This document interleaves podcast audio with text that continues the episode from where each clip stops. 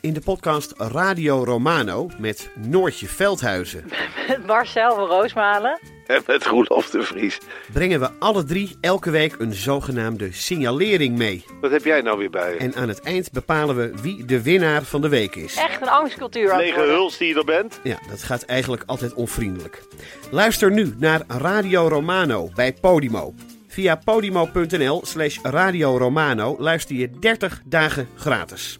En terwijl ik val, zie ik die enorme kop van die beer boven me. In de wekelijkse podcast Echt Gebeurd worden al meer dan 10 jaar mooie, grappige, spannende en ontroerende verhalen verteld door de mensen die ze zelf hebben beleefd. Het regende bommen, dat wil zeggen, om de zoveel tijd ontplofte er een bus. Er zijn al meer dan 400 afleveringen van Echt Gebeurd verschenen. Dit is geen sjamaan, dit is een achterhoeker. Abonneer je nu op Echt Gebeurd in je favoriete podcast-app. Voordat we gaan beginnen, even een spoiler alert. Want deze aflevering is niet echt geschikt voor kinderen die op school voor Sinterklaas nog geen surprises maken. So it's about the existence, yes or no, of the man with the old beard. So um, if you are- uh, aware of that, then we can go and listen to the, uh, the episode. Okay, here we go.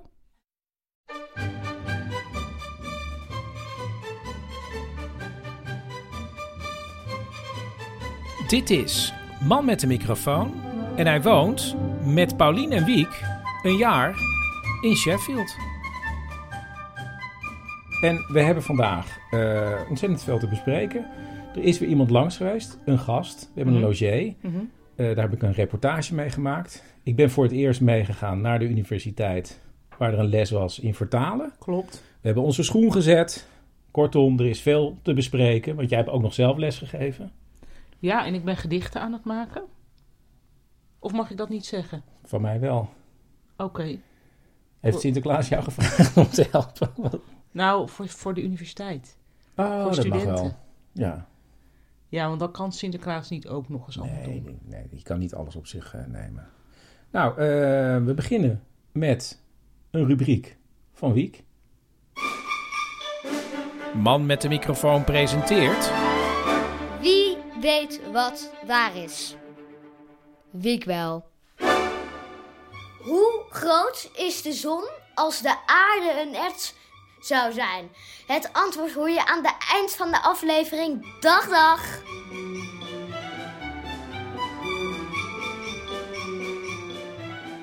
Paulien, wat denk jij? Hmm, Ik denk een voetbal. ik denk wel basketbal. Oké, nou, we horen het dus aan het eind eh, van deze aflevering. Ik ben meegeweest voor het allereerst naar de universiteit, Mhm. waar Philippe en Jet een, eh, ja, een vertaalklas hadden eigenlijk met twaalf studenten. En ze waren een Ja, gedeelte van een eh, eh, Vlaamse roman aan het vertalen. van Julian Ar- Erkan, de Ja. honingeters. En ik vond het best wel moeilijk Ja. om dat te vertalen, want het was heel poëtisch Vlaams. zij komt ook hierheen, hè? Ja, en dan Dus- kunnen ze laten zien Hoe ze het hebben vertaald. Zo grappig, want dan kan je dus, blijkt, een kwartier het hebben over het woord prevelen. Hoe ga je dat vertalen in het Engels? Ja, er werden dus verschillende dingen ge- geopperd, zoals mumble, maar dat klonk toch zeg maar te verward. Mutter klinkt ook al, al snel een beetje eh zagrijnig. Eh spoke under her breath, maar dat was te lang. Dus het was echt zoeken naar, eh, naar een goede vertaling. En toen kwam Jet nog met de vertaling, ik geloof make her ablutions of zoiets. Omdat het iets met bidden te maken zou kunnen hebben. En toen moesten die studenten allemaal heel erg hard lachen, want dat was iets wat hun oma zou zeggen als ze naar de wc ging. Ja, maar het viel me dus op, iemand schrijft een boek, die tikt misschien een keer gewoon, ja, bijna lukraak een zin in. Ja, En daar komt dan bijvoorbeeld ook het woord lamzak in voor. ja. En dan vervolgens zijn er mensen, terwijl jij het in 10 seconden wegtikt, zijn er mensen gewoon ja. wel een half uur mee bezig op dat ene woord. Het deed mij gek genoeg denken aan die keer dat ik leerde om letters te zetten bij de Oude Wiek. Ehm, dan moet je Iemand dus die wij kenden van een grafisch werkcentrum. in Amsterdam. En dan kon je dus met lettertjes echt een tekstje zelf zetten en dat dan drukken. En dat deed ik toen. En toen merkte ik om, hoeveel werk dat was om die lettertjes allemaal op volgorde goed neer te zetten en vast te zetten. en toen dacht ik wel, jeetje, kan het niet nog korter? Ik bedoel, hoe makkelijk je iets tikt op een computer. Uiteindelijk gaan er mensen toch ja, langer. Nou, niet altijd natuurlijk. Nou, maar zo'n vertaling. Ik, ik, ik kan me voorstellen dat je met een vertaling af en toe langer bezig bent dan met het schrijven zelf. Misschien wel. En, en dat wordt echt heel slecht betaald, hè? Ja. Oh nee, dat moeten we niet zeggen, want die, die mensen willen ook vaak vertaler worden. Dus laten we dit aspect niet. Het is gelukkig Het een supergoed ja, betaalde baan. Want die mensen luisteren ook, hè, die studenten, ook naar deze podcast. Sommigen wel. Nou, heel veel vertalers die, die hebben gewoon een leasebak onder hun ja, kont. Ik ken er een met een Lamborghini volgens mij, toch? Lamborghini. Lamborghini. Oh, je verbetert me zelfs niet eens alleen in het Engels, maar werkelijk in alle talen. Nee, Lamborghini. het is niet verbeteren, het is een andere optie bieden. Heel goed, dankjewel Paulien. Je hebt ook zelf les gegeven. Ja, ik ben les gaan geven over de woorden ehm, Hoor. hoor. In de zin van geef maar hier hoor. Of, en, en de andere was eh, ehm, even. En ook effen. En efkes. En eventjes. Ehm, omdat dat eh, alle twee woorden zijn. Ik heb daar trouwens ook maar goed aan toegevoegd. Woorden die je in Nederlands kan gebruiken om een zin. Om eigenlijk uit te stralen dat niks een probleem is. Van, en toen moesten ze als opdracht doen van mij dat ze een rampverhaal moesten vertellen, maar dan met de woorden even en hoor erin, om het minder erg te maken. Van, ik ben van mijn fiets gevallen, eh, toen ben ik even naar het ziekenhuis gegaan, maar het was niet erg hoor. En dan moest de ander, want we moesten in tweetal doen, dan moest de ander antwoorden met iets met maar goed erin. En dan merk je hoe dwingend maar goed ook is. Zo, dus dan vertelt iemand een heel rampverhaal en dan komt er, maar goed, je leeft nog. Of, maar goed, je bent hier weer op college. Van die, Deden ja, ze het ook goed? deden ze heel goed. Heel, ja, echt precies met een goede eh toondoofheid. Dus niet echt naar het verhaal lu- luisteren, maar met maar, maar goed. Maar goed. Want er was ook één jongen, volgens mij was het een echt gebeurd verhaal, die zei: ik, ik was in de dierentuin en toen raakte ik mijn tas kwijt met mijn boterham erin en mijn ouders ook. Nou, heel treurig. eh, en ik was, eh, ik was eh, verdrietig om de boterham. En toen was het antwoord: Maar goed, je kon weer een nieuwe boterham kopen. Toch wel goed. Ehm, ik zei al helemaal aan het begin, we hebben ook een, eh, een logier. En eh, daar heb ik eh, een reportage mee ge- gemaakt. Op een bijzondere plek. Moet je niet zeggen wie dat is? Nee, dat komt in de reportage. Oké, Dus daar gaan we nu naar luisteren. leuk. Ik ben benieuwd wie het is. Ik, eh, ik ben weer op eh, reportage geweest in het Peak District, toch? Eh, ja, dat klopt. Ja, en sta je? Eh, in eh Iem, een dorpje. Bij ons in de buurt, half uurtje rijden. En je hebt iemand meegenomen? Ja, eh, dat is Ivar. Ivar, je moet je even voorstellen. Hoi. zeg even wie je bent. Ivar, ja, wie ik ben, hoe bedoel je? Nou, laat ik het gewoon maar zeggen. Eh Yves, we zijn eh, na 32 jaar, bedacht ik me vanochtend, wordt dit onze tweede reportage die we samen maken. Want de eerste was voor de schoolkrant. Oh ja. Toen Ja. zijn we gewoon lukraak Amsterdam ingegaan om te kijken of we iemand tegenkwamen met een goed verhaal. Toen zijn we met een man meegegaan die zich ligt Ja, Chris kennende de- kan dit een heel lang en saai verhaal worden, dus ik grijp even in. Wat, wat hij eigenlijk wil zeggen is dat zijn goede vriend Ivar op bezoek is, die hij al meer dan 30 jaar kent en waarmee hij ontzettend veel beleefd heeft. En hij heeft hem nu meegenomen naar een dorpje met een heel bijzondere geschiedenis. Je hoort ons hier lopen, want ja, je hoort dat het gevroren heeft. En dan lijkt het mij, eh, Chris, eh, het fijnste als je het eh, zo meteen weer oppakt met de zin... En ik heb je meegenomen naar. Dat je dat tegen Ivar zegt. Ja, dus dan doen we nog even ijs en dan pak je het op. En ik heb je meegenomen naar ja, Iem, wat een heel bijzonder dorpje is. Want ik weet, jij bent een liefhebber van de 17e eeuw in Nederland en alle verhalen daaromheen. Dit is een heel beroemd dorpje, want in de 17e eeuw brak hier de pest uit. Eh, 1665 tot 1666. En wat heel bijzonder is, dat deze dorpsmensen hebben zich in quarantaine gezet eigenlijk. Dat is een van de eerste dorpjes ter wereld waar dat gebeurd is. Dat vertelde je, ja. Dat is inderdaad wel bizar. Dat ze zich zo hebben opgeofferd of zo, bijna. Want het is niet dat ze in quarantaine gingen om te voorkomen dat ze ziek werden. Nee, ze wilden eigenlijk eh, de mensen in de omgeving beschermen tegen de pest. Dus ze hebben zichzelf opgesloten in hun eigen dorp. Ja. Ja, dat is, dat is wel grootmoedig. Ja. Toch? Ja. En we hebben ons vanmorgen even ingelezen, Yves, Ja. in de pest. En dan kom jij als Nederlander even met het Nederlandse nieuws. Dat, eh, het was onze schuld. Vertel. Nou ja, wat ik las was dat ze twee, drie jaar ervoor, dus in 1663, 64, was de pest eh, in Amsterdam en in Haarlem onder andere. En toen dachten ze hier in Engeland, dat moeten we niet.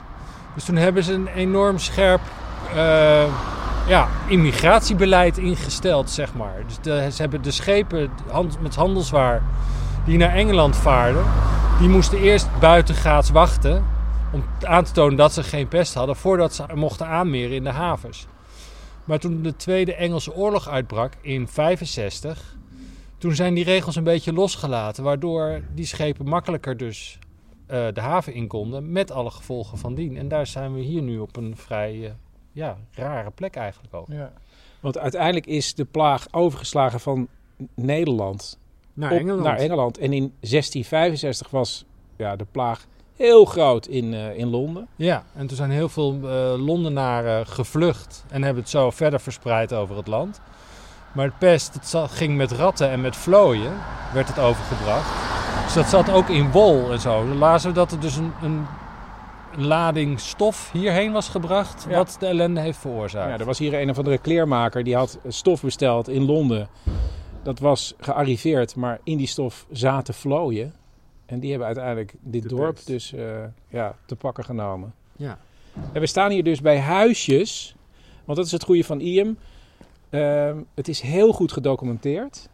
En ze weten ook precies eh, welke slachtoffers waar woonden. Ja. Want laten we even zeggen, een kwart van de inwoners heeft het maar overleefd. Er waren Ja. ongeveer 350 inwoners. En ik geloof 283 mensen hebben het overleefd. Zoiets, hè? Ja, we staan hier nu bij het huis van de Hawksworth family.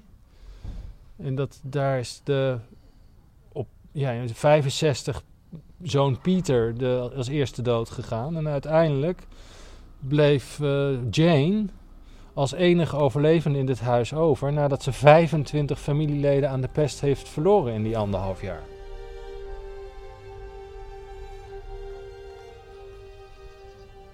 Er is ook trouwens nog een onderzoek wat loopt, dat las ik. Dat heet eh, de IEM-hypothese. Want eh, er zijn heel veel wetenschappers nog steeds benieuwd. Ja, wat was er nou eigenlijk? Waarom deden die mensen dat? Deden ze dat omdat ze Goed te doen voor de omgeving, Ja, lijkt me. was dan. het altruïsme? Of was het gewoon evolutie? Dat de soort mens wist, als dit ons overkomt, dan moeten we onszelf ja, van de andere mensen afscheiden. Een beetje, ik heb een tijdje geleden iets gelezen over mieren. Dat als er dan zo'n een mier, zieke mier is die de kolonie dreigt te infecteren, dat dan twee andere mieren die mier meenemen om ver buiten de kolonie met z'n drietjes te sterven. Dat idee. Dat Ja. je dan op die manier de kolonie beschermt. Dus het dorp, de rest van de gemeenschap beschermt door je dan maar op te offeren. Ja, dus is er iets in de evolutie gebeurd dat de mens dit van nature doet? Of is het altruïsme? Ze zijn er nog niet uit.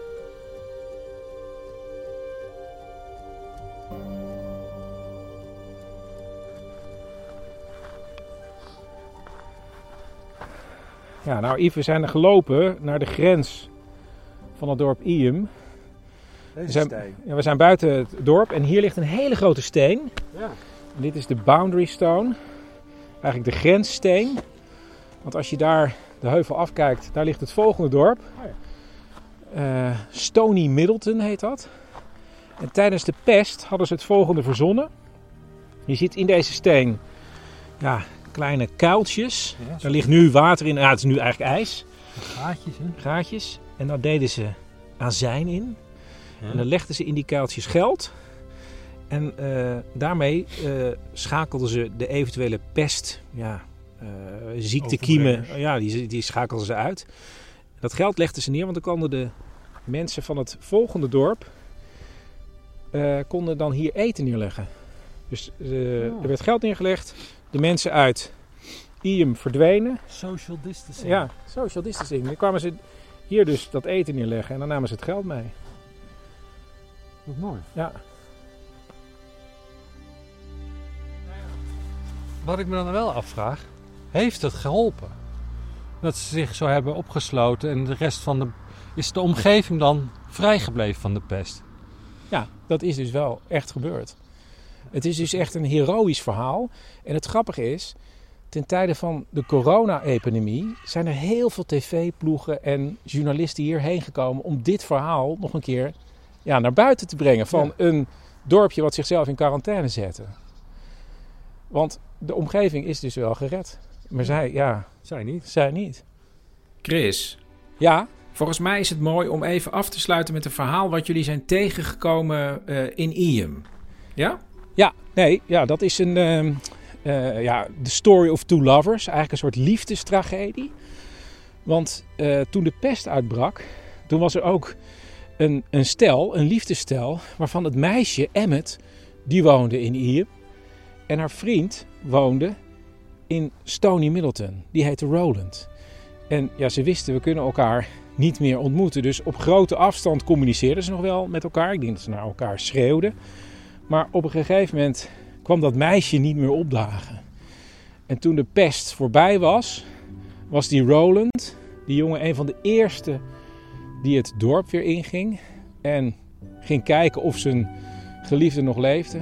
Maar zij was helaas overleden.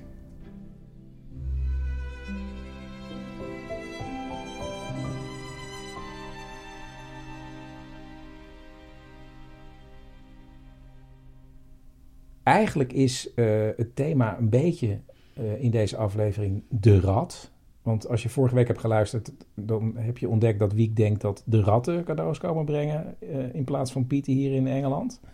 we mochten onze schoen weer zetten. Was weer een hoogtepunt voor Wiek. En daar heb ik hem even over geïnterviewd. Komt-ie. Wiek, ik heb even een vraag. We hebben onze schoen weer gezet. Ja. En? Ja, er zat een kindersurprise in.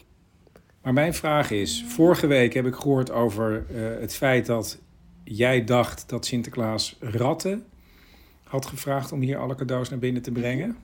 Hebben de ratten hun werk dan weer gedaan nu? Ja, ik denk het wel. Alleen is het wel moeilijk, want ze moeten dus helemaal de trap af.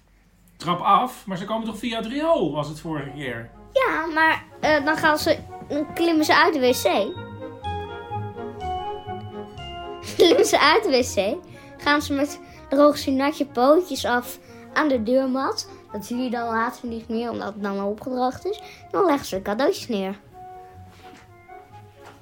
En je vindt het niet een, zullen we zeggen, een smerig idee dat ze uit de wc omhoog komen met jouw uh, verrassingsei? Ja, die zit er vaak ingepakt. Poeh. Um, dus uh, er komt eigenlijk geen Piet aan te pas hier? Nee. Waarom? Waarom zou een Piet door onze schoorsteen. Ja, ja we hebben er geen. Oké, okay, dus en wat dat betreft denk ik ook dat er nieuwe nummers moeten gemaakt worden. Namelijk het volgende nummer. En dat gaan we dan later maken. De rat van Sinterklaas, Sinterklaas, Sinterklaas. De rat van Sinterklaas, die doet echt alles voor zijn baas. Daar komt hij, daar komt hij, daar komt hij door het riool. En brengt ons, en brengt ons een bal en een viool. De rat van Sinterklaas, Sinterklaas, Sinterklaas. De rat van Sinterklaas, die doet echt alles voor zijn baas. Daar gaat hij, daar gaat hij.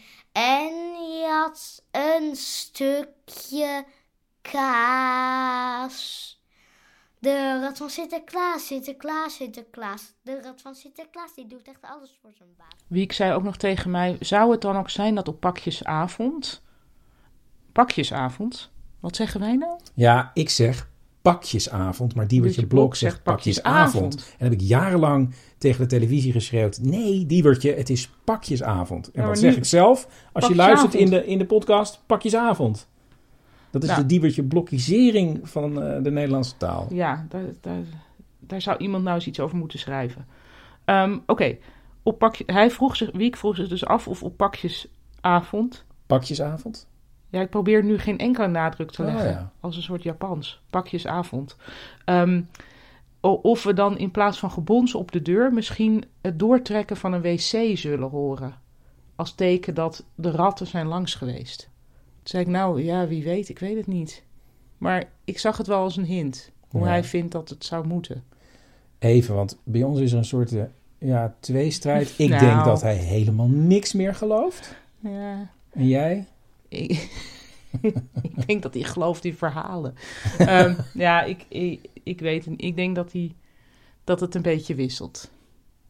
Maar hij heeft wel door dat wat hij... Nou, dus toen hij zelf had bedacht... Sinterklaas komt eerst langs Engeland en dan langs Nederland... Ja, dat vond hij wel... Dacht hij, dat heeft hij toen eigenlijk afgedwongen. Dat hij dus al eerder zijn schoen mocht zetten. En dat gebeurde toen ook. Dus hij heeft wel door dat hij de mythe kan beïnvloeden. Ja, en daarom heeft hij die ratten er nu bij. Ja. Maar ja, is het dan minder waar? Hè? En, en jij hebt een christelijke achtergrond. Goed, we gaan even door met het volgende onderwerp. Ja. Want ik ben weer even langs geweest bij Jet en Philippe. Want ehm, ja, ze geven les bij Dutch Studies. Dus als er ergens in Engeland een vraag is over Nederland, dan worden ze heel vaak gebeld. Dus ik vroeg eh, allereerst aan Jet, ja, waarschijnlijk zijn ze vorige week ook alweer gebeld. Vorige week was het zeker raak. eh, op woensdagavond al. Nee, nee, nee, donderdag uiteraard, na de verkiezingen. Kreeg ik een e-mail van de Daily Telegraph. En je moet weten, dat is toch een behoorlijk rechtse eh, krant. Nog altijd groot fan van de conservatieve partij.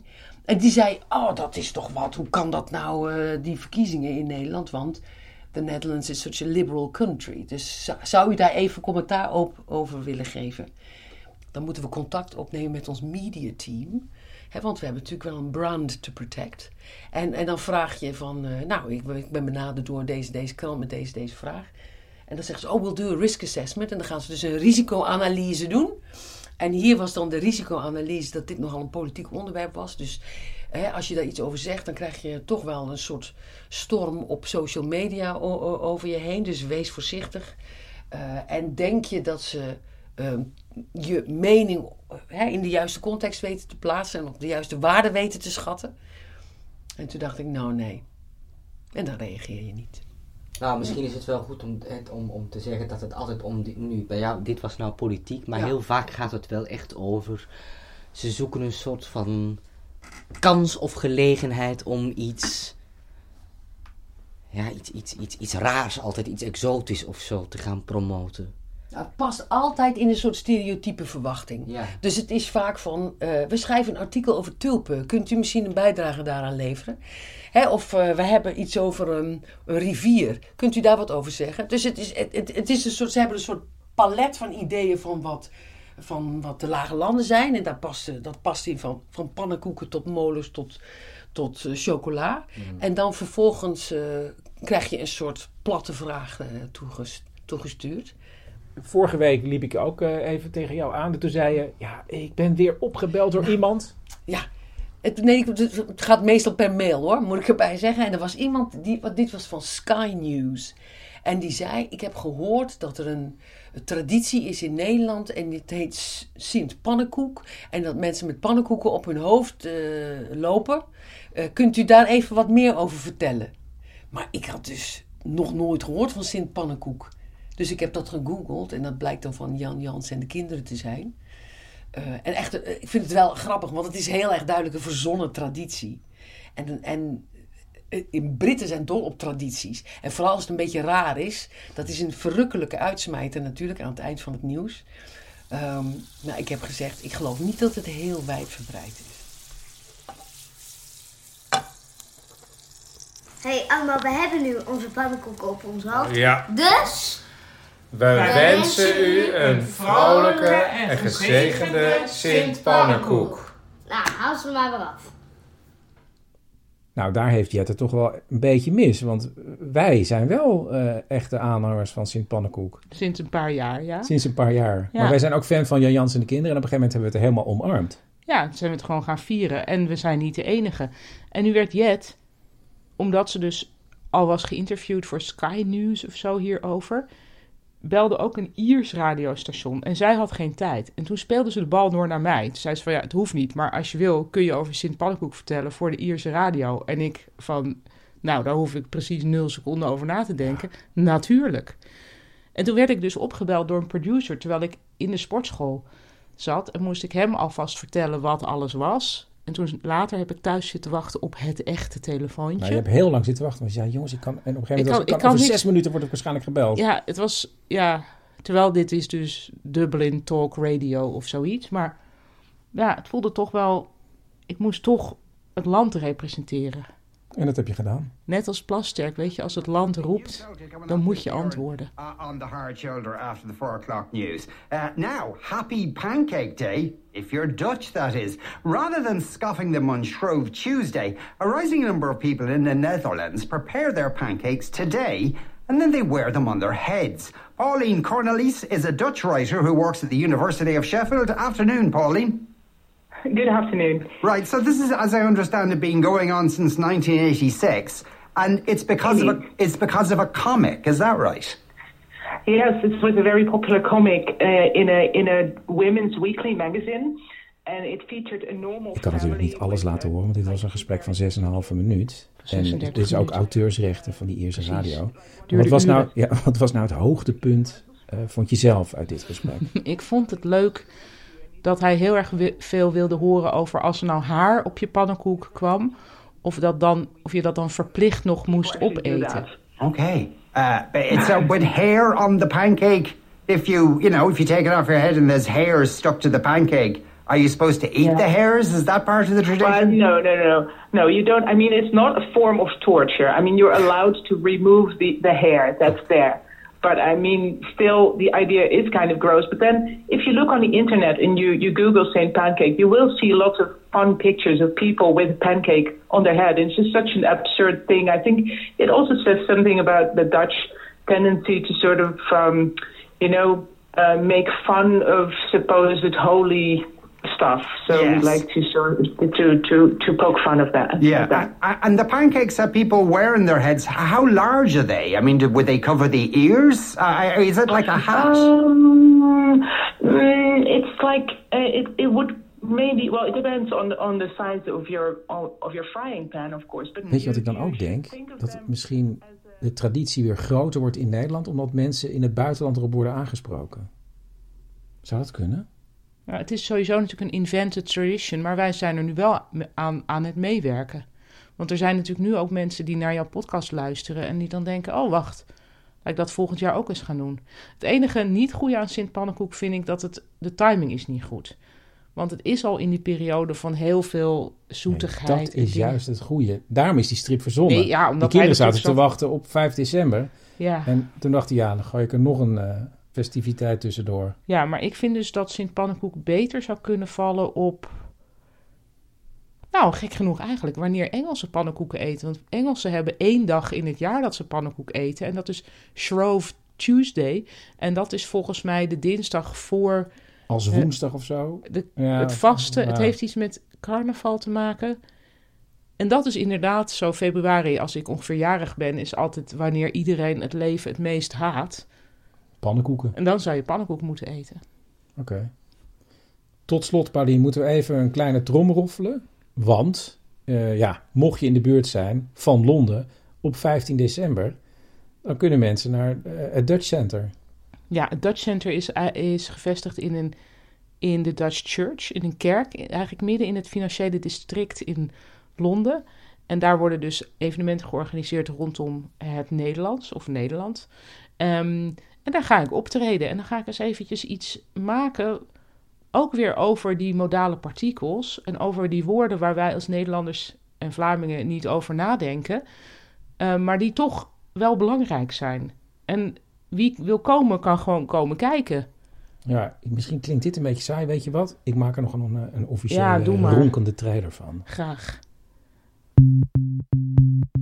Londen. 9 miljoen inwoners. En daar komt één Nederlandse vrouw langs. Op 15 december. In het Dutch Center. In the heart of London.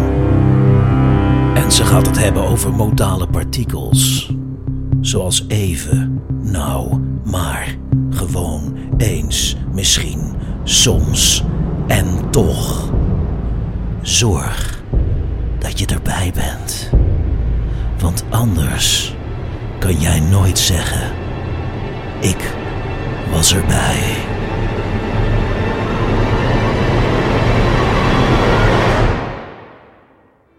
Blijf nog even hangen voor het antwoord op wie weet wat waar is. Wiek wel. Dit was aflevering 16 vanuit Sheffield. Word lid via Petje Af. Uh, ik doe een uh, link naar het Dutch Center in de show notes. Laat recensies achter in de iTunes Store. Tot volgende week.